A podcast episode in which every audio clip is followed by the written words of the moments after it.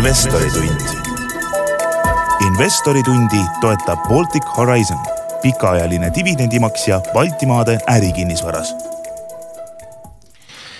hea Geeniuse podcastide kuulaja, eetris on järjekordne investori tund ning tänase saate teema on aktsiaturud, nende esimene poolaasta ning tulevik. üritame aru saada, kuhu praegu investeerida ning miks ja mis ootab erinevates varaklassides investorit lähiajal ees. ehk siis äh, ees täna teisel äh, nii-öelda selle aasta poolaastal. ja neid teemasid oleme kommenteerima palunud kolm eksperti TalTechi majandusteaduskonna doktorid ja raamatu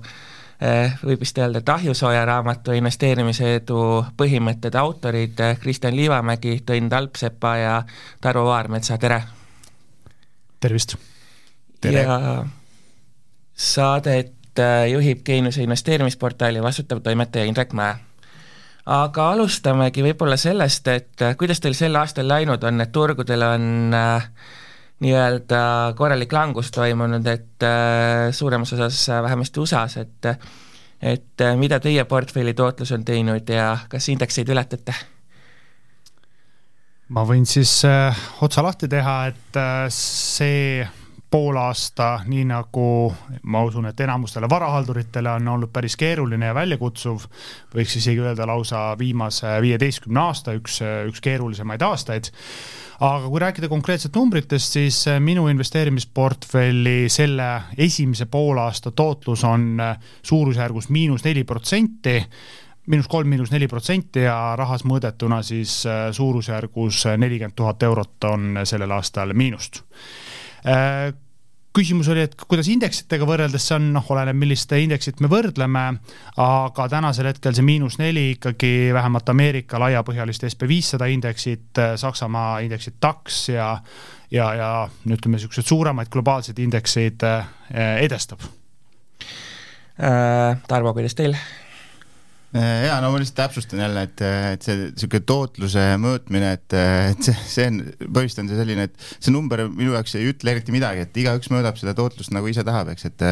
et kas ta hindab mingeid asju üles, kinnisvara üles või paneb ostuväärtuses ja ja selles mõttes, et ilma teadmata, kuidas see on mõõdetud, ei ütle see midagi. kõlab küll selline mingi vabandav jutt, aga, aga, aga noh, tegelikult kui ma nii-öelda siis mina olen suhteliselt konservatiivne oma nii-öelda siis portfelli väärtuse hindamisel, et, et hindan natuke isegi alla, kui see turu, turuväärtus olla võiks.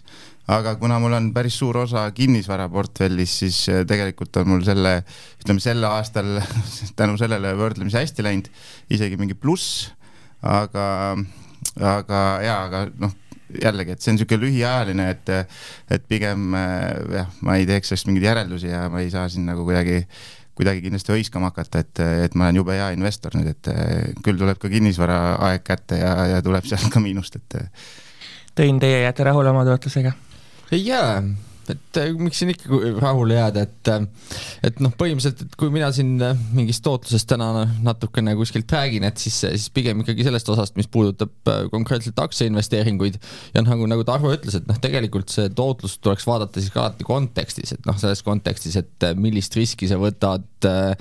kuidas ja, ja kuhu siis investeerid. Aga noh, kuna siin ikkagi mingit vastust äh, tahetakse, et noh, siis ma võin öelda, et mul on umbes samamoodi läinud nagu indeksitele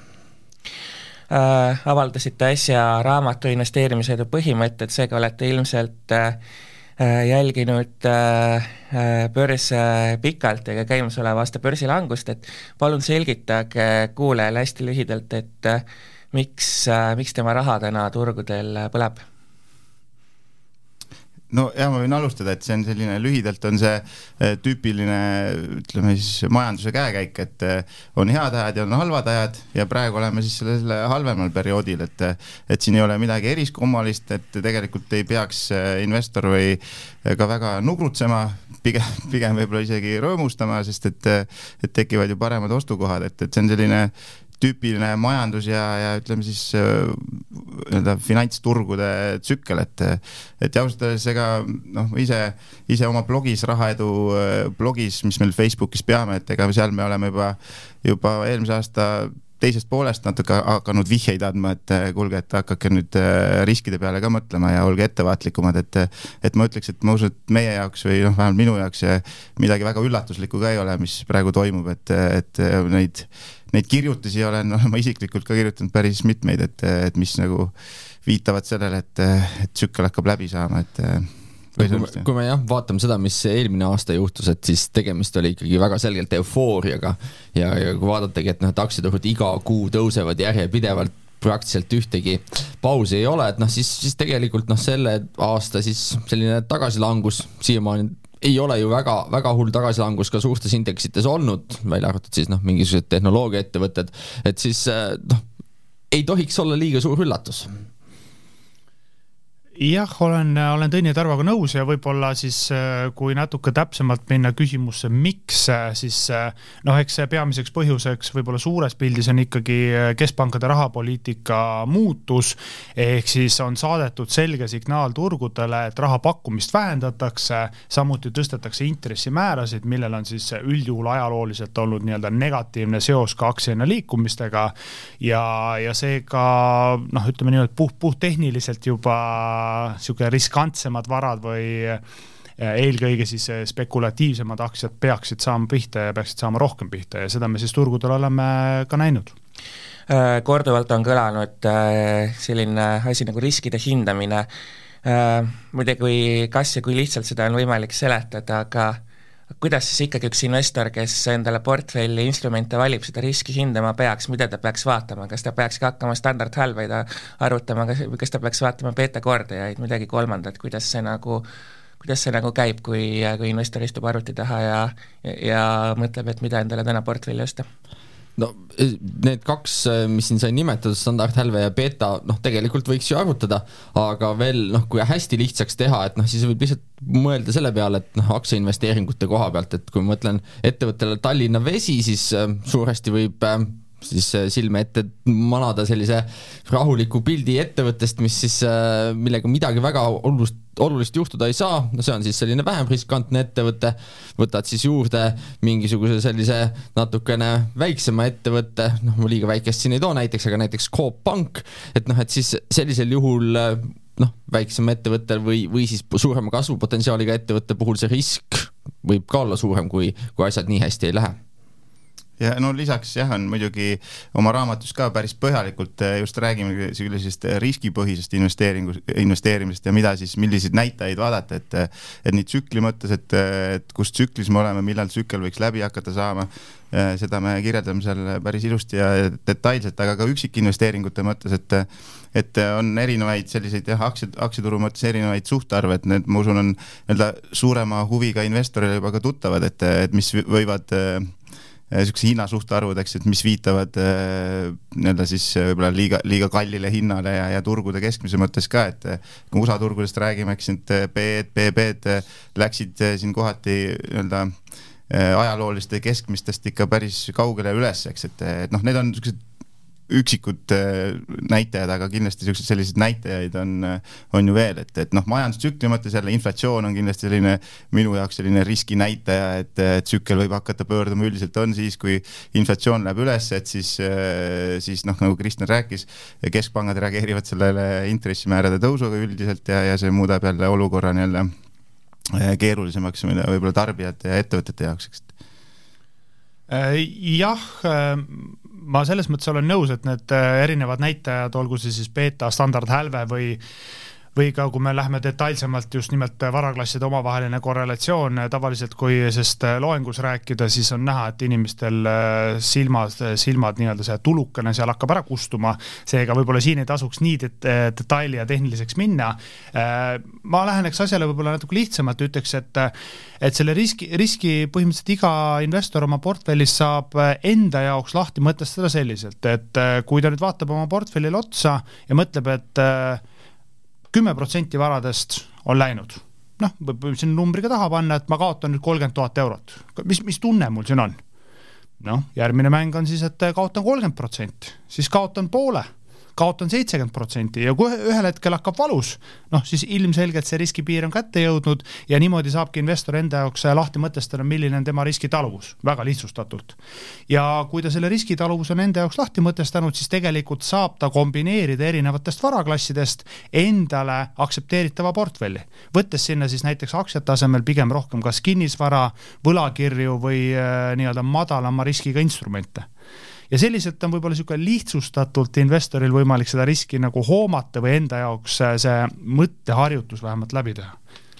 äh,? Rääkides instrumentidest äh, või konkreetsetest investeeringuid, investeeringutest, siis äh, mida ise viimase poole aasta jooksul oma portfelli soetanud olete? mina põhimõtteliselt äh, olen äh, vist ühte aktsiat põhimõtteliselt, ma üldiselt äh, nagu ma enne viitasin, siis ma pigem, pigem olen alates eelmise aasta teisest poolest äh, riske vähendanud, mis tähendab ka aktsiaid pigem müünud. Äh,. aga selle, selle esimese poole aasta jooksul olen soetanud ühte aktsiat ja see on niisugune USA niisugune nafta-gaasi ettevõte või niisugune torujuhtmete ja ladustamisettevõtte aktsiaid, et need mul siiamaani on portfellis minu meelest väga hea ettevõte, aga, aga siiski kerges miinuses, muidugi indeksiga võrreldes on väga hästi kõik, et äh, aga, aga siiski soetamishinnast on ta sihuke, ma ei tea, viis-kuus protsenti mul miinuses, et see kon-, konkreetne aktsiapositsioon siis. mis aktsiapositsioonist jutt käib? Energy, Energy Transfer on selle ET tikkeriga selline ettevõte siis Äh, jah, mina üldiselt äh, selle aasta, ütleme kevadest alates olen ka tagasi tulnud raha pigem akumuleerinud, äh, mis on siis need tulnud kas võlakirjades intresside näol või dividendid aktsiatelt või siis ka üüritulu või mingid investeeringud, mis on tagasi tulnud. küll aga jah, kui nii-öelda suurematest summadest rääkida, siis ma olen ostnud viimasel ajal äh,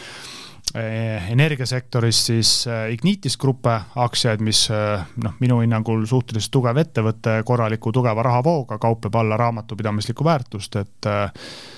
isiklikult näen seal, näen seal võimalusi. tõin teie ei saa öelda, et midagi eriti oleks üldse soetanud, et äh, pigem noh, minu selline portfelli juhtimine käibki selle nii-öelda riskitaseme järgi, et noh, vaatangi ja mõtlen selle peale, et noh, et kuidas portfelli riskitase on. Äh, noh, üldiselt ka keskmisest investorist minu portfelli riskitase on, on tavapäraselt kõrgem ja noh, mida ma siis see aasta teinud olen, olen siis seda riskitaset äh, pigem allapoole tõmmanud, mis siis tähendabki seda, et vähendada riskantsemate varade osakaalu suurendada noh, nii-öelda väiksema riskiga varade osakaalu ja noh, siis äh, ollagi umbes sinnapoole, et, et selle nii-öelda tururiski saan ma ikkagi kätte, et äh, noh, loodetavasti siis kunagi ka tootluse, et siis kui, kui turg kukub, et noh, ma pean siis ka leppima ja olengi leppinud sellega, et ka minu portfell kukub, et kui nüüd head ajad peaks tagasi tulema, et noh, ilmselt siis ma jällegi teen korri-, korrigeerin siis vastavalt ka riskitaset siis oma, oma portfellis neljapäevaselt äh, teie raamatuesitluselt äh, jäi kõlama üks Paavo Siimanni küsimus, et et kas idufirmad või Bitcoin ja kui mul õigesti meeles on, siis Tõn, teie vist ütlesite, et pigem Bitcoin, et kas Bitcoini tasub praegu juba juurde osta või mitte? seda ma ei tea, aga esitlusel jäi küsimata, et miks ma valisin Bitcoini ja, ja vastus oli sellepärast, et kui ma ostaks ühte iduettevõtet, siis äh, siis see edu tõenäosus, et see nüüd see üks on nüüd see õige ja hea, et äh, ma kardan, et see tõenäosusprotsent on minu jaoks ähm, kahetsusväärselt liiga väike. et ma ei oskaks seda ühte, ühte iduettevõtet nii hästi valida. kui ma ostan Bitcoini, siis äh, sisuliselt on tegemist siis äh, no ma võib-olla natukene üldistan liiga palju, aga et krüptomaailma siis nii-öelda indeksi sarnase lähe-, lähedase siis instrumendiga, et siis ma saan sellise krüpto, krüptomaailma riski endale ja, ja noh, selles mõttes ma olen vähem siis niisugusest äh, üksik, üksik startup tüüpi asjast mõjutatud. aga et noh, et kas, äh, kas nüüd nagu krüptos on hea, hea aeg osta või mitte, et noh, ma aina rohkem ja rohkem võrdleks seda siis sellise Nasdaqi mitte kõige kasumlikuma tehnoloogiaettevõttega, et noh, need on siin saanud ikkagi tugevalt pihta ja, ja, ja siis noh, siin seitsekümmend, kaheksakümmend protsenti miinuses, et et selles mõttes, et see krüpto põhi ei pruugi sugugi veel käes olla, aga noh, ilmselgelt äh, juba on soodsam kui, kui mõni aeg tagasi, kus hind oli täiesti utoopiline. Kristjan ja Tarvo, teie ostate pigem iduettevõtteid, ma saan aru? antud valikust äh, jah, et et noh, ma olen Tõni mõttekäiguga nõus ja, ja ma kujutan ette, et rahaliselt tegelikult see mängib võib-olla paremini välja. lihtsalt minul personaalselt, hoolimata sellest, et mul on ka investeerimisportfellis väga väike osa Bitcoini, siis sellest hoolimata minu hinnangul Bitcoini sisemine väärtus on null iduettevõtete puhul ma saan aru vähemalt, äh, miks seda asja tehakse, mille jaoks seda tehakse, mis probleemi maailmas lahendatakse ja ma saan ka aru, kui selle ettevõtte väärtus kukub nulli, miks see nii läks, ma saan sellest õppida midagi. Bitcoini puhul ausõna, kui Bitcoin kukuks homme nulli, siis minu õppimisprotsess oleks suhteliselt väike ja minul ka, et miks, ma saan ka Tõnni sellisest eh, statistilisest analüüsist hästi aru, et, et eh, tundub kõik hästi loogiline põhjendatud, eks, aga, aga noh, mina ka seda, minu vastus iduettevõte kätkes pigem seda, et et noh, iduettevõtjaid on ka tegelikult väga erinevaid ja erinevas faasis ja erinevate, väga erinevate riskidega, ma võiks öelda, et et äh, mina siis sel ajal mõtlesin, et, et sellist, võib-olla sellist ettevõtet, mida mul juba on ja millesse ma usun ja mis on võib-olla minu jaoks mõne aasta jooksul juba ennast tõestanud, aga mida ma võin ikkagi veel iduettevõtteks nimetada, eks, et siis jah, mina mõtlesin midagi sellist, et selle vastusele, et äh, nii iduettevõtete kui tegelikult ka Bitcoini kohta, et kui nii-öelda traditsioonilistel börsiettevõtetel on olemas äh, mingisugune arusaam ja tegelikult mitte ainult arusaam, vaid äh, selge nagu teooria, millest, äh, millest te ka oma raamatus kirjutate, kuidas, kuidas selle sisemist väärtust siis hinnata, on suhtarvud, on diskonteeritud rahavoogude meetod ja nii edasi, siis nii idude puhul kui ka tegelikult krüptovaluutade puhul on sellist analüüsi äh, natuke keerulisem teha, et rahavoogusid tõenäoliselt ette ennustada, kui sa just siseeluga kursis ei ole, keeruline, ettevõtted on kahjumis, PE-suhet sa sealt ei arvuta ja nii edasi, et kuidas neid kahte varaklassi üldse hinnata või kuidas teie hindate, et kuidas te saate aru, et et kas see krüptovaluuta on hea investeering või see iduettevõte on hea investeering? No siin esimese asjana võib kohe reklaami teha, et ma saan aru, et see on sellised põletavad küsimused, meil on siin hetkel tulnud siis meie teine raamat ehk et investeerimisedu põhimõtted välja. ja meil on tulemas ka kolmas raamat, mitte väga kauges tulevikus, kus me siis äh, põhjalikumalt käsitleme selliseid äh, äh, keerulisemaid teemasid, mille alla siis kuuluvadki täpselt siis krüptovarad ja iduettevõtted. et ma siinkohal siis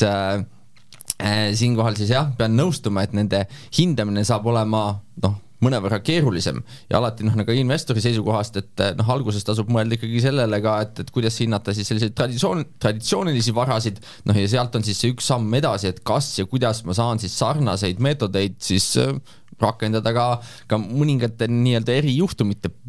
baasil, noh nagu ongi siis iduettevõtted ja, ja krüptomaailm tegelikult veel hoopis teistsugune. palju on Bitcoini õiglane väärtust? Pole õrna aimugi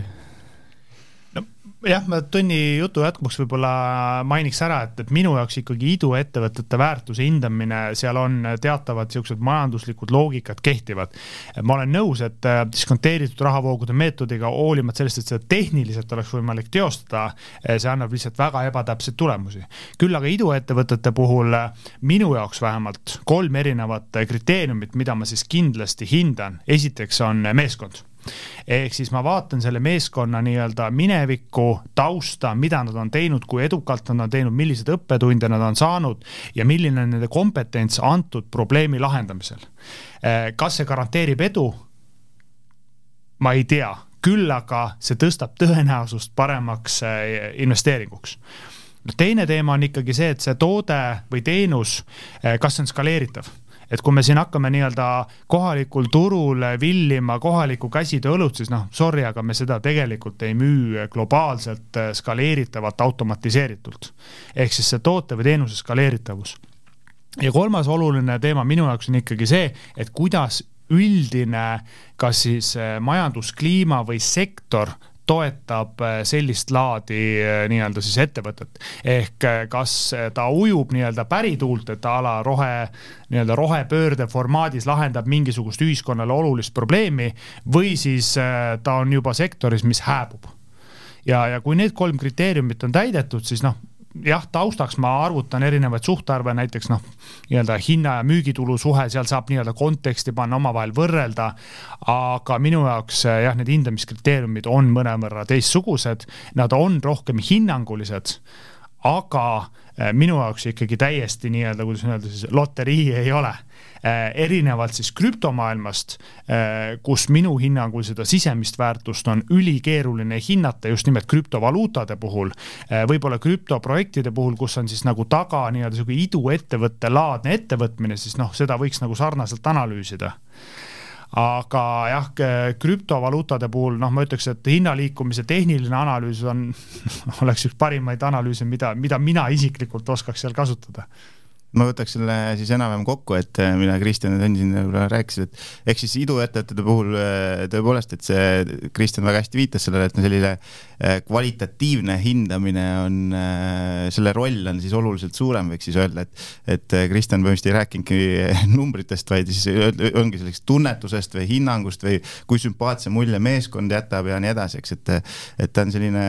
selles mõttes jah, mis Kristjan ka hästi välja tõi, on sellise suure veaga, et eh, kindlasti iduettevõtte hindamine ongi suurema veaga, aga samas sa pead ikkagi lõpuks jõudma mingi numbrini ka, et, et see, see, et sa vaatad meeskonnale otsa, eks, et eh, kui toredad nad on, on, aga kuidas sinna hinnasildi paned, eks, et, et sul on ikkagi mingeid eh, numbreid ka vaja, et ja siin on jälle noh, minu jaoks jälle hästi oluline, kas me räägime näiteks käibeeelsest faasist või, või juba mingit käivet tegevast iduettevõttest, eks, et kui tal juba mingi aeg on juba käive jooksnud, noh, see juba natukene jälle annab sulle mingi, eh, siis sa saad juba natukene kasutada neid traditsioonilisemaid eh, meetodeid ka nagu eh, võib-olla siis need diskonteeritud rahavood isegi, eks, et kuigi nõus, et need, see viga on nagu kindlasti suurem kui selliste küpset, küpsete ettevõtete puhul aga jah, nagu kokkuvõttes ongi see, et iduettevõttedega see risk ongi suurem, mis tähendabki risk, teisisõnu võibki öelda, et eba, ebamäärasus või see teadmatus ongi suurem ja, ja nii see ongi, et see hindamine on ka selle võrra keerulisem kui, kui küpsete ettevõtete puhul. ja, ja nagu me teame, risktootlus on käsikäes, et, et tihti iduettevõtete, iduettevõtetega läheb kehvasti, aga mõne üksikuga võib, võib minna ka hästi.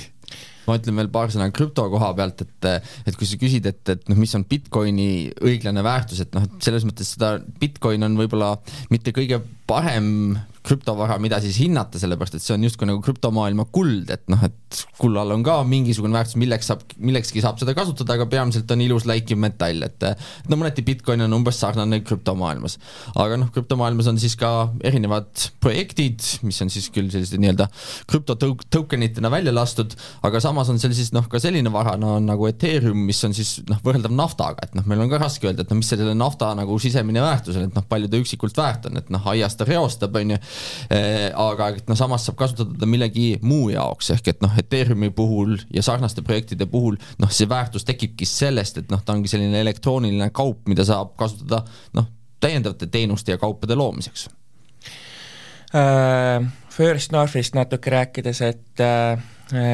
Tallinna hipodroom on siin eelmise aasta lõpus äh, läks lahti, et vaadates kohati neid ettevõtteid, mis siis eriti First Northile on tulnud, et vaadates siis nende prognoose, nende tutvustustest ja nii edasi, et et milliseid rahavoogusid need ootavad ja nii edasi, et siis kohati tekib justkui tunne, et jah, et kui need rahavood, mida nad nagu lubavad või käibeprognoosid, mida nad lubavad, et et, et siis nagu kõik on ilus, aga kuidas nagu noh, arvut- või kuidas saada aru, et, et need prognoosid, mida ettevõte välja ütleb, et need on realistlikud või kui te vaatate äh, neid viimaseid First North ettevõtteid kas või kas teile tunduvad need prognoosid realistlikud ja kui ei tundu, siis mis mõte on üldse, ma ei tea, diskonteeritud rahavoogude meetodil? ja selles mõttes, et ega ju, ega ei pea oma diskonteeritud rahavoogu meetodi aluseks võtma neid numbreid, mida ettevõte välja käib, et võib ja ongi mõistlik teha iseenda prognoose, prognoosid ja üldiselt selliste Äh, ütleme, ettevõtete huvi, eriti kui nad tulevad, eks börsile, on ju pigem ikkagi enda aktsiaid maha müüa ja võib-olla asju ka natuke ilusamas valguses näidata kohati, kui, kui, kui nad on, et, et mina isiklikult näiteks äh, üldiselt äh, olen ikkagi oluliselt konservatiivsem oma hinnangutes võib-olla kui ettevõte ise on sest mulle tundub tihtipeale, nagu me võib-olla oleme ka näinud, et sellist, sellist joonlaua analüüsi on äh, päris kõvasti tehtud, et äh, joonlaud pannakse sellise, noh, ütleme siis mis ta on siis teravnurga all ülespoole suunas ja, ja tõmmatakse siis need käibeprognoosid niimoodi üles, eks, et ehk siis arvestamata seda, et tõe, tõepoolest mingi aeg võib tulla majanduslangus näiteks ja, ja umbes mingid sellised takistused ja inimestel kindlustunne kukub ja et noh, neid asju ma ise ikkagi püüan ka arvesse võtta ja, ja olla siis konservatiivsem, et aga jah, ma ise soovitaks ikkagi oma peaga mõelda ja, ja nii-öelda oma hinnang anda, mitte, mitte võtta aluseks võib-olla seda, mida keegi teine ütleb, et. aga kuidas, kuidas sa oma peaga mõtled, palju Roopus Grupp suudab müüa, ma ei tea, oma toodet lähimatel aastatel? no kui ma noh, ausalt öeldes seda ma ei hakka üldse vaatamagi, sest et minu jaoks see toode on ebahuvitav ja, ja ma ei hakka üldse oma aega sinna nende, nende numbrite peale kulutama, et no ma võib-olla läheneks sellele asjale niisugune natuke veel lihtsamalt, ütleks niimoodi, et juhul, kui sa plaanid investeerida ettevõttesse Äh,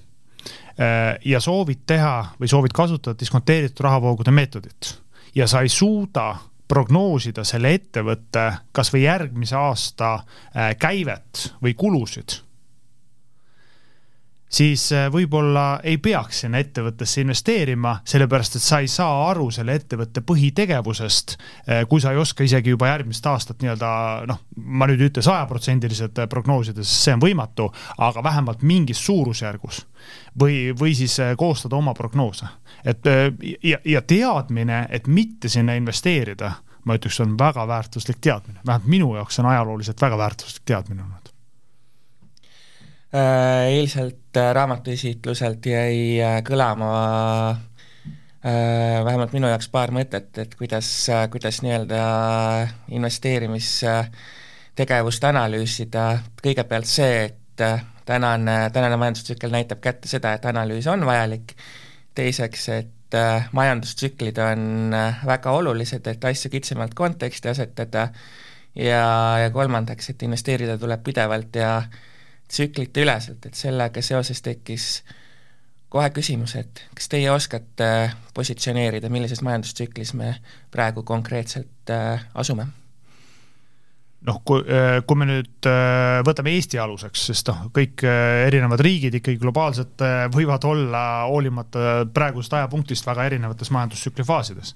aga kui me võtame aluseks Eesti ja Eesti viimase kvartali majandusnäitajad, siis puhttehniliselt on Eesti veel majandustsükli kasvufaasis, mis tõenäoliselt tänasel hetkel on majandustsükli kahanemisfaasiks üle minemas äh, seda näitavad siis erinevad ENNAK-indikaatorid, tarbija kindlustunde indeks, ettevõtjate kindlustunde indeks ja nii edasi. puhttehniliselt Eesti veel on majandustsükli kasvufaasis. Äh, kui nüüd nii-öelda minna siis äh, hinnangute peale, siis minu hinnangul vähemalt sügiseks äh, või sügisel me näeme vähemalt ühte kvartalit, mis on negatiivse majanduskasvuga. ja, ja noh, siis võib öelda, et siis me oleme majandustsükli langusfaasis, kui meil on kaks järjestikulist negatiivse kasvuga, majanduskasvuga kvartalit järjest. Ja minu hinnangul sügisel me võiksime seda näha. Ja mis varaklassid sellega, mida investor täna siis tegema peaks kasvufaasist langusfaasi üle minnes, milliseid milliseid varaklasse vaatame, et äh, energiasektor jäi siin äh, Ignitis Gruppe näol juba, juba kõlama ka veel no ütleme niimoodi, et kui nii-öelda väga äh, klassikaliselt võtta, siis tavaliselt majandustsükli pöördumisel esimese varaklassina hakkavad langema aktsiad ja võlakirjad, nende nii-öelda siis turul kaubeldavad väärtused. sellele järgnevad siis toorained ja kinnisvara ja noh, kui me tänasel hetkel vähemalt Eesti kontekstis vaatame, siis äh, jah, aktsiaturg on äh, nii-öelda languses, muidugi edestab globaalseid indekseid, aga siiski pigem langustrendis. Äh, kinnisvara hoiab veel suhteliselt hästi. nii et kinnisvarani tänasel hetkel see veel jõudnud ei ole noh, minu hinnangul me ikkagi pigem sügisel näeme ka seal niisugust äh, vähemalt ütleme niimoodi, kas kasvutempo aeglustumist või siis äh, kas külgsuunas liikumist ja üldiselt eh, jah, minul umbes sarnased eh, mõtted, et aga noh, veel kord, et oma nii-öelda investeeringutes ma alati arvestan ka sellega, et, et minu nägemus ei või see, mida ma ootan, minu baasstsenaarium, ütleme siis nii, et see ei, ei, asjad ei pruugi nii minna. ja se, selle, selle jaoks või kui asjad ei lähe nii, nagu, nagu umbes Kristjan seletas ja nii nagu, nagu mina ka enam-vähem asju näen, siis selle jaoks ma ikkagi istun päris suure osa oma portfelli, portfellist nii-öelda investeeritud, investeerituna siis ja mis on siis jah, teaduslikult ka nagu leidnud selliseid kinnitusi, järeldusi, et tegelikult selline turul üle tsüklite istumine on tegelikult üsna pikaajalises mõttes üsna, üsna hea ja sihuke üle keskmise, keskmise hea, hea strateegia nii-öelda, et selline rapsimine edasi-tagasi ei pruugi nii head tulemust anda. aga mingi osaga ma tõesti siis, nagu ma enne ka viitasin, võtan riske maha ja nii edasi, aga, aga see majandustsükli jutt, ega mul siin väga ei olegi lisada, et, et ma ise pigem pigem pean ka tõenäolisemaks, et me näeme, näeme mingeid miinus, miinusmärgiga siis kasve või siis noh, ütleme siis langusi ka siin, kas siis selle aasta lõpus või siis jah, järgmine aasta alguse poole, et. mõni äh,, mainisite võlakirju, mõni näide heast võlakirja investeeringust äkki? noh, ma, kui ma nüüd oma portfellist konkreetselt räägin, siis mina isiklikult olen väga rahul äh, LHV võlakirjaga, üheksa koma viie protsendiste intressi maksva võlakirjaga olukorras, kus LHV ikkagi ütleme, vastaspoole krediidirisk minu hinnangul on suhteliselt madal. Et jah, mul on portfellis kõrgema intressiga võlakirju ja laene, aga nende puhul ikkagi selgelt on ka vastaspoole krediidirisk selgelt kõrgem. Äh, räägime veel natuke sellest, et äh, mainisite, et äh, Tallinna börs edestab täna, täna teisi indekseid, et miks suur langus veel Tallinna börsile pole jõudnud ja kas Tallinna börs ongi, ongi kuidagi immuunsem või on, või on see suurem langus, mida maailmas oleme näinud alles ees? ma ausalt võib-olla alustaks, võib-olla ma, ma mõtlesin selle peale ise ka, et miks see nii on aga ma ei tea, võib-olla Kristjan Tönn teavad täpsemalt, aga ma, minu hüpotees, ma ei ole seda kontrollinud, on see, et võib-olla see indeksi koosseis või koostis on äh, selline, mis, äh, et ma ei tea, kui suur osa seal täpselt on näiteks Enefiti selle indeksi koosseisus, kui palju Enefit seda indeksit mõjutab, aga mulle tundub, et päris palju, et ilmselt seda Enefiti on seal päris palju ja kuna Enefit ei ole eriti langenud, siis äh, see hoiab ka meie indeksit võrdlemisi nii-öelda hästi. et võib-olla see indeks ei näita päris täpselt niisugust eh, noh, indeks ütleme jah, selline indikatsioon, aga võib-olla mis tegelikult turul toimub, et tegelikult me oleme näinud seal ka suuremaid aktsialangusi, need üksikaktsiate puhul üle kahekümne protsendi ka vist, eks, et Coopid ja igasugused, eks, et eh, aga jaa, võib-olla Kristjan Tönn teavad täpsemalt, mis see Tallinna börsiindeks eh, sisaldab endas ja võib-olla USA mõttes siis on neid SB viiesajas ka niisuguseid tehnoloogia, nagu Tönn siin viitas, kõvasti kukkunud tehnoloogia asju seal võib-olla mis mõjutavad seda rohkem, et võib-olla see indeksi koosseis on üks, üks põhjus no üldiselt kipub olema ka, et Tallinna börs liigubki aeglasemalt kui, kui näiteks USA börs ja mis siis tähendabki seda, et äh, headel aegadel võivad need liikumised toimuda natukene hiljem, halbadel aegadel ka natukene hiljem. noh, praegu ma väidaks, et need sellise Eesti investori, Eesti inimesele üldisemalt ei ole see raske olukord veel justkui nagu kohale jõudnud või vähemalt mina kuidagi ei, ei näe seda nii-öelda tegevustes. ja, ja seetõttu siis äh, selliseid äh, müüke või sunnituid müüke siin Tallinna börsil noh, ei, ei ole ka ja ausalt öeldes noh, ma arvan, et ega siin äh, see investorite noh, läbilõige investoritest, mis tüüpi investorid nad on, et siis, siis ma arvan, et siin ei ole ka äh, ka midagi väga sellist suurt tulemas, et noh, tavaliselt, et kes neid langusi suuremalt põhjustavad, on suuremad institutsionaalsed investorid, kes on sunnitud müüma siis, kui, kui nende jaeinvestorist kliendid võtavad raha välja. noh, Tallinna börsil me räägime, et kõik sisuliselt ongi jaeinvestorid ja, ja kui nad on loodetavasti investeerinud seda raha, mida neil igapäevaselt vaja ei ole ja, ja ilma milleta nad suudavad ka sellise väiksemat sorti majanduslanguse üle, üle elada, siis, siis me ei pruugigi Tallinna börsil mingit suuremat langust näha jah, ja võib-olla selle eelneva jutu lõpetuseks või täienduseks ütleks, et äh, ma ise olen ka juhendanud erinevaid magistritöid, mis tõesti on leidnud, et äh, Tallinna börsil on suhteliselt madal korrelatsioon äh, erinevate laiapõhjaliste indeksitega. mis tähendab seda, et noh, lihtsustatud maakeeles võib öelda, et kui USA börs langeb, siis selle mõju Tallinna börsile on suhteliselt minimaalne või isegi teatud ekstreemsetel juhtudel vastassuunaline aga jah, see toimib mõlemat pidi, ehk siis kui on väga kiire tõus, siis Tallinna börsil tundub, et nagu mitte midagi ei liiguks või ei toimuks. aga jah, languse ajal on see samamoodi. Ähm, saate nii-öelda äh, viimased äh, kümme minutit pühendaks võib-olla sellele, et ka kuulaja jaoks ilmselt on kõige tähtsam see, et kuidas saavutada finantsvabadus, kuidas äh, kuidas äh, mitte kellestki äh, rahaliselt mitte sõltuda ja nii edasi, et teil on kõigil see käes, et, äh, et alustaks võib-olla sellest, et et Kristjan, teie olete avalikult välja öelnud oma portfelli suuruselt üks koma kolm miljonit, et Tõnja Tarvo, kui suured on teie portfellid? mina ei ole seda avalikult välja öelnud, jah ja, ja no ma tulen tagasi selle tootluse mõõtmise juurde, et, et ma võin öelda, et ühesõnaga see number, mis ma välja ütleks, see, see ei ütle nagu eriti kellelegi mitte midagi, sest et ta ei tea, kuidas ma olen seda arvutanud, et, et minu jaoks veel kord ma ütlen, et see tootlused, portfelli suurused, need on üsna subjektiivsed, et ma võin öelda mingi vahemiku, et,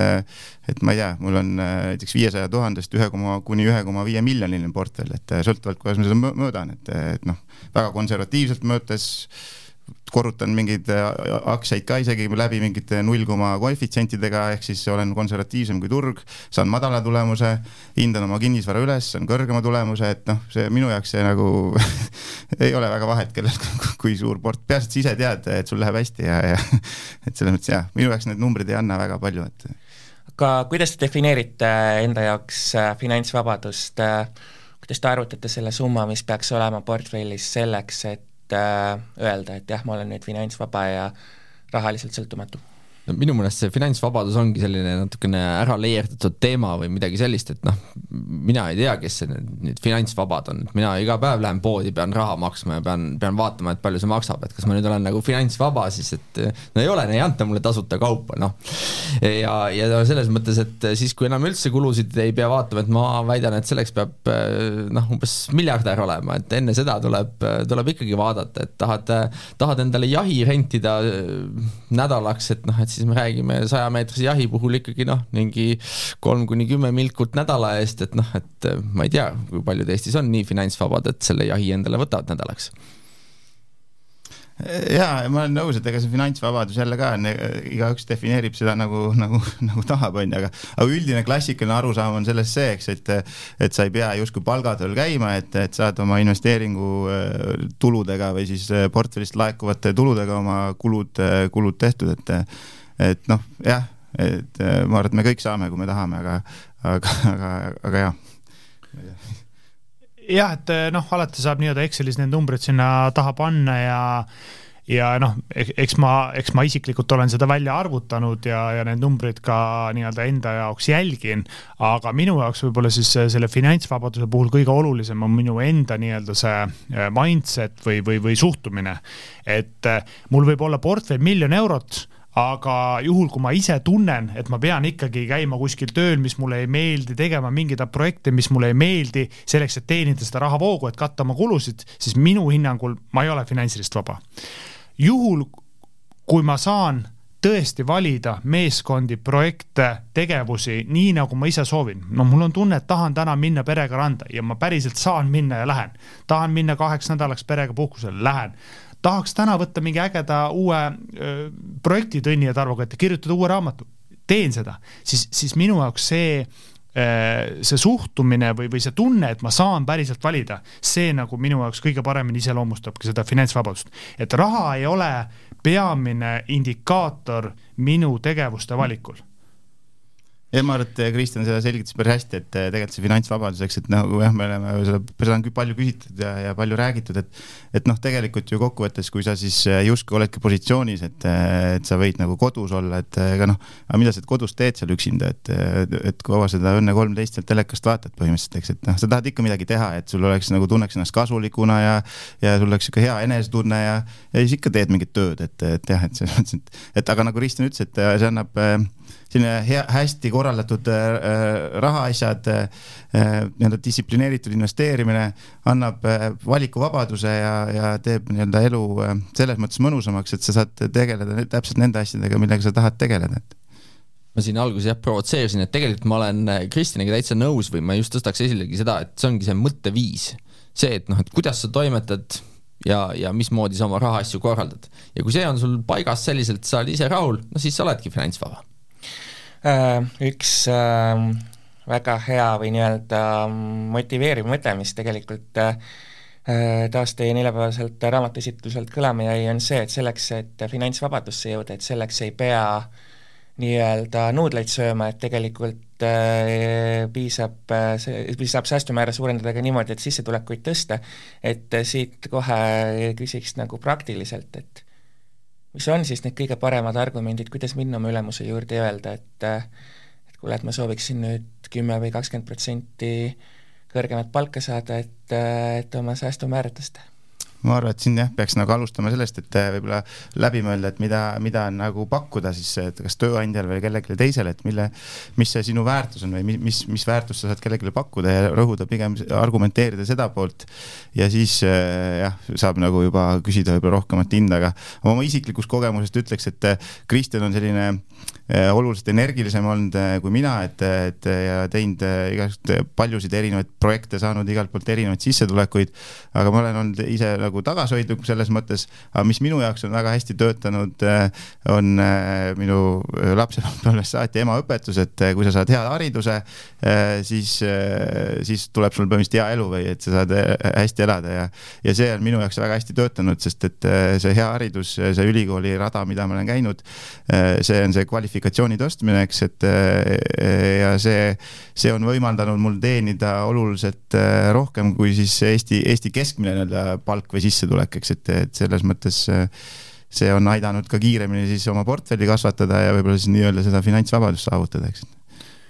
Jah, kuna küsimus oli nii-öelda siuksed praktilised nipid ja trikid, siis ma enda kogemusest võin öelda seda, et kui sa lähed lihtsalt niisama palka juurde küsima, siis üldjuhul ei ülemus ega ettevõtja seda sulle ei kipu andma. Äh, kui sa suudad ettevõtjale või ülemusele või, või juhile ära näidata, et äh, mingisuguse kompetentsi tõttu või tegevuse tõttu suudame ettevõttele genereerida näiteks äh, iga kuu viis tuhat eurot rohkem rahavoogu ja öelda, et noh, ma ei soovi mitte midagi muud kui ainult näiteks kümme protsenti sellest rahavoost endale noh, ettevõtlik inimene võtab, tundub päris hea diil, et ta toob mulle viis tuhat sisse, ma annan kümme protsenti ära, ülejäänud jääb mulle. ja kui sa mõtled nagu ettevõtja, räägid nagu ettevõtja, ettevõtte keeles, siis äh, tõenäosus seda äh, nii-öelda täiendavat tasu saada on minu hinnangul oluliselt suurem noh, muidugi tavalise palgatöölise puhul on, ütlen ausalt, lihtsalt on, on toiminud ka väga hästi niisugune turu hinnastamise põhimõte. ehk siis äh, kui konkureeriv ettevõte on äh, öelnud, et kuule, tule meile ettevõttesse tööle, ma pakun sulle nelikümmend protsenti kõrgemat töötasu, siis äh, noh, sellesama nii-öelda pakkumisega minna eh, oma tööandja juurde ja öelda, et näe, turg hinnastab minu teadmisi kõrgemalt. kas eh,, kuidas teie minu teadmisi hindate ja oskusi ja kogemusi? ja noh, siis eh, mõnes mõttes niisugune turu, turumehhanism lõpuks korrigeerib ka selle tasu ära. võib-olla üks mõte veel, et mida ma ise olen äh, varem natuke taustainfona kasutanud, on Statistikaameti andmed äh, palgatõusu kohta ja seal on väga üsna täpse sektorina saad ka vaadata, et kuidas need palgad on nii-öelda tõusnud, et et siis see annab võib-olla ka mingit tausta, et, et kas siis selle konkreetse inimese palgatõus on siis selle nii-öelda sektori või selle ametikoha mõttes olnud aeglasem või kiirem, et kui ta on nagu oluliselt maha jäänud, eks, et noh, see see võib olla ka üks argument, mida tööandjale öelda, et näed, et et näiteks ma ei tea, IT-sektoris, noh, seal võtame mingi parema sektori, võib-olla mingi meelelahutussektoris, need on eh, keskmised palgad tõusnud nii palju või kaubandussektoris, et näed, minul on, ma ei tea, kolm korda vähem tõusnud, et et kas jah, sellelt, sellelt tasemelt võib ka rääkida, et. Ja kokkuvõtteks võib-olla, et et kui me vaatame tänast, tänast majandusolukorda, kui arvestame sellega, et et lähima poole aasta jooksul veel asjad paremaks ei lähe, et äh, mis oleks siis võib-olla see nii-öelda kõige tähtsam asi, mida investor võiks, äh, võiks täna endal nagu, nagu kuklas hoida, mis põhimõtteid järgida igat enne oma investeerimisotsust no enne igat investeerimisotsust, ma arvan, üks olul-, kõige olulisem, mis mul kohe oli pähe, on ikkagi ikka analüüsi tegemine, et äh, et kui, kui sa ei tea, mida sa ostad põhimõtteliselt ja kuhu sa oma raha paned, siis äh, tihti see lõpeb üsna halvasti ja me oleme neid uudiseid kõik lugenud, kes, kes on saanud petta ja kes on kuidas oma raha kaotanud, et et tegelikult selle taga ju ongi täpselt seesama asi, et ei ole tehtud analüüsi põhimõtteliselt, eks, et isegi ei ole teinekord lihtsalt guugeldatud, et me mäletame, mäletame siin Eriali kaasust, ilmselt paljud teavad, aga seal isegi sinna, kui, kui oleks lihtsalt võib-olla guugeldanud selle Eriali võtmefiguuri nii-öelda nime, enne kui sinna siis raha suunata oleks jäänud see rahapaigutus võib-olla tegemata, nagu Kristjan ütles, et see tegemata teht-, jäänud rahapaigutus on teinekord väga hea otsus, et, et ühesõnaga selline analüüs, see ei tähenda seda, et sa pead minema täiesti nii-öelda pulkadeks lahti võtma, aga, aga mingil tasemel analüüs võib anda juba väga suurt efekti selle jaoks, et see, et, et teha siis, et suurendada oma tõenäosust teha nagu paremat investeeringut, eks no ma ütleks, et ähm, kõige olulisem on ka veel see, et sa tead, et kus, kus sa üldse oled, kust sa tuled. noh, algab siis enda rahaasjade korrashoiust või noh, kasvõi sellest, et noh, sa tead, et palju sul on varasid, palju sul on erinevat tüüpi varasid, mis mida sul vaja on, mida mitte. ehk et noh, omada siis sellist ülevaadet ja noh, siin nii-öelda oma näitel ma võin, võin ka kohe nagu öelda seda, et, et kuna noh, mina siis sellist teatud pilti oman, et noh, et on mul siis äh, natukene kinnisvara, natukene aktsiaid ja, ja mingisuguseid muid varasid, et äh, see tä-, toob ka mul selleni, et noh, et ma oman ka ülevaadet sellist, et noh, milline on minu siis sellise kogu, kogu varade või, või siis noh, investeerimisportfelli siis äh, riskitase. ehk et noh, see esiteks, et noh, et palju mul neid varasid on, millised need on ja milline on siis riskitase. ja see paneb siis noh, ka paika selle, et, et noh, milliseid investeeringuid ma saan teha. Et noh, näiteks, et kui ma tean, et mul ongi piisav selline tagala olemas, siis noh, mina isiklikult näiteks saan aktsiaturul võtta oluliselt suuremat riski. Olengi valmis seda võtma ja tean, et noh, et isegi kui seal väga hästi ei lähe, et noh, et siis minuga otseselt mitte midagi ei juhtu ja noh, siis kui on head ajad, et noh, siis võib-olla mul läheb natukene paremini, kui on halvad ajad, et noh, siis aktsiaturul läheb kehvemini. Ja, ja noh, kokkuvõttes, et kuna noh, ma näen ikkagi, et selline elukaar on suhteliselt pikk ja me teeme hästi palju investeerimisotsuseid, on nad siis otsesed või kaudsed otsused ja, ja noh, minu eesmärk on siis see tõenäosus enda kasuks vähemalt natukenegi keerata ja siis, siis kui ma tean, et noh, et kui ma võtan ka suuremat riski, saan võtta suuremat riski, noh siis järsku pikas perspektiivis see suurem risk siis äh, realiseerub ka veidikene suuremaks tootluseks. aga eks muidugi elu näitab jaa, mina soovitaks äh, isiklikult korra selle mõtteharjutuse jälle nii-öelda läbi mängida, et milli-, kui palju olen ma nõus oma varadest äh, kaotama. Äh, ja selle mõtteharjutuse peamine eesmärk oleks siis see, et kui nüüd turud jätkavad langemist või langevad ja sa ühel hetkel näed seda miinus kahtekümmet protsenti oma portfellis või mitu, miinus kolmkümmend protsenti oma portfellis, siis sa ei muutuks ärevaks, emotsionaalseks ja ei hakkaks selle baasilt tegema emotsionaalseid otsuseid, mis üldjuhul äh, finantsiliselt ei ole väga targad. kui sa oled selle asja läbi mänginud, see olukord jõuab kätte, sinu jaoks see olukord ei ole uudne, sa oled sellega arvestanud äh,, siis sa aktsepteerid seda ja ma ütlen, sellisel ajal, kui turud langevad väga palju ja sa teadlikult tead, mida sa teed, sa võid rahulikult minna metsa jalutama ja sul on see meelerahu olemas ja ajalooliselt selline meelerahu on just keerulistel aegadel väga häid äh, nii-öelda tulemusi pakkunud investeerimise mõttes. ja ma veel äh, lisaksin, äh, kuna sellest ja see initsiatiiv, miks meid siin, miks me siin oleme, on meie raamat, eks, et et siis kindlasti just mõnes mõttes praegusel ajal, nagu me oleme rääkinud, et sellisel langusajal äh, on just väga, väga hea siis jah, Kristjani juttu jälgida, aga, aga ka just seda analüüsi poolt teha, mida meie raamatus siis äh, saab äh, põhimõtteliselt iga varaklassi kohta, et kuidas siis midagi analüüsida ja, ja võib-olla ette valmistada siis endale, teha mingi selline nii-öelda mingid, mingid aktsiad äh, mingid asjad välja valida juba praegu, et olla valmis siis neid nii-öelda hea, nii-öelda siis sobiva hinnaga ostma, et neid analüüsimeetodeid, kuidas jõuda siis nende õiglaste väärtusteni erinevate varaklasside mõttes, need on meil seal raamatus ilusti äh, lahti kirjutatud praktilistel näidetel, et, et oleks kindlasti, kindlasti huvitav lugeda ja kes juhuslikult tahab äh, Äh, neid meetodeid kasutada, need selgeks endale teha, siis äh, rahaedu.ee on üks väga hea aadress, kus me saab seda raamatut ka soetada. Selge, aga suured tänud TalTechi majanduseksperdid ja raamatu investeerimisedu põhimõtted autorid Kristjan Liivamägi, Tõnn Talpsepp ja Tarvo Maar-, Vaarmets täna neid teemasid avamast ja investoritund on eetris taas nädala pärast, kuulmiseni! aitäh!